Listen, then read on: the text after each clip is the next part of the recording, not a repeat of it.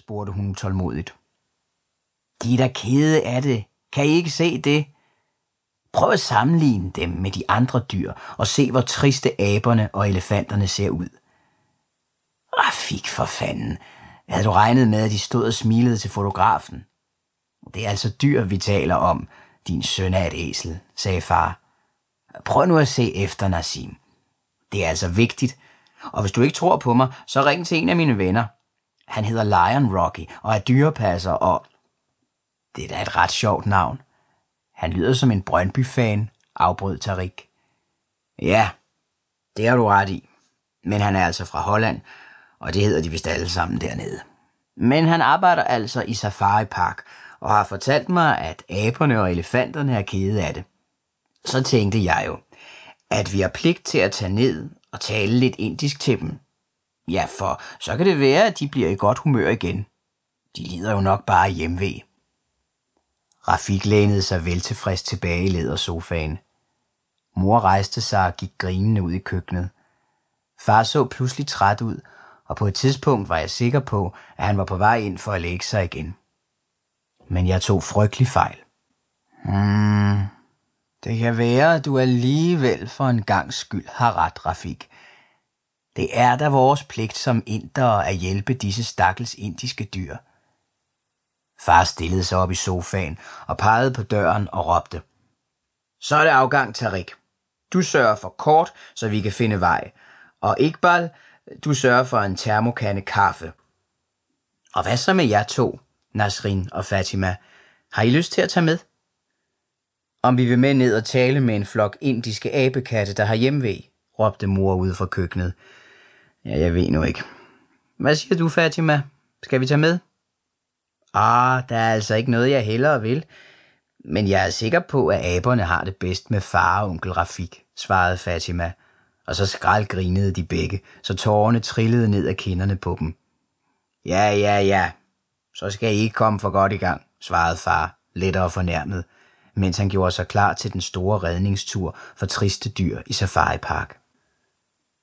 Hvad så med din dua? Skal han ikke med? spurgte onkel. Nej, sagde jeg. Han har sovet hos Lelix og Sille og kommer først hjem senere. På vej ned ad trappen mødte vi vores nabos søn, Kasim. Æh, hvad så der, fædre? Hvad har I gang i på det her hjernelamme tidspunkt? Hej Kasim, min jungle brother. Det er totalt optur. Vi skal på den sygeste safari og redde en flok elefanter og aber fra Indien, som har den vildeste nederen, svarede jeg. Åh, hvad det er. Det er hårdt. Må jeg joine jeres tur, eller hvad sker der for jer? Vi kiggede spørgende på far, som kiggede mistroisk på Kasim.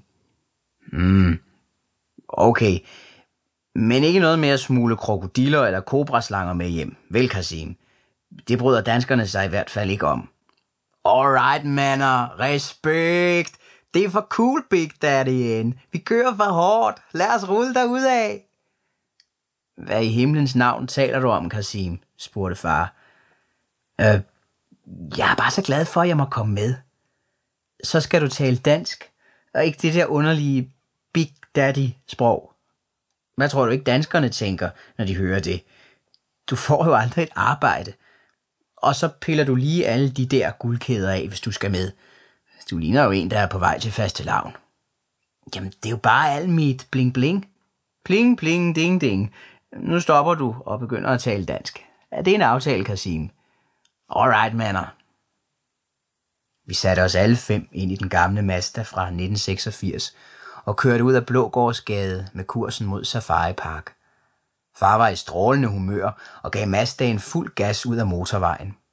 Han skrålede sine gamle indiske sange for fuld hals, mens han for en gang skyld smilede til onkel Rafik.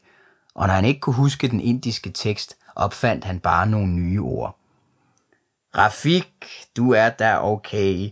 Dig har jeg intet imod. Men har du en ovn, eller er du en klovn? Tralalalala, hurra. Rafik, du platter penge, det ved vi jo godt. Og du lyver for en tyver, tralalala, hurra. Rafik, du siger, at alle er efter dig, men måske er det fordi, at du øh, har en chef for, der...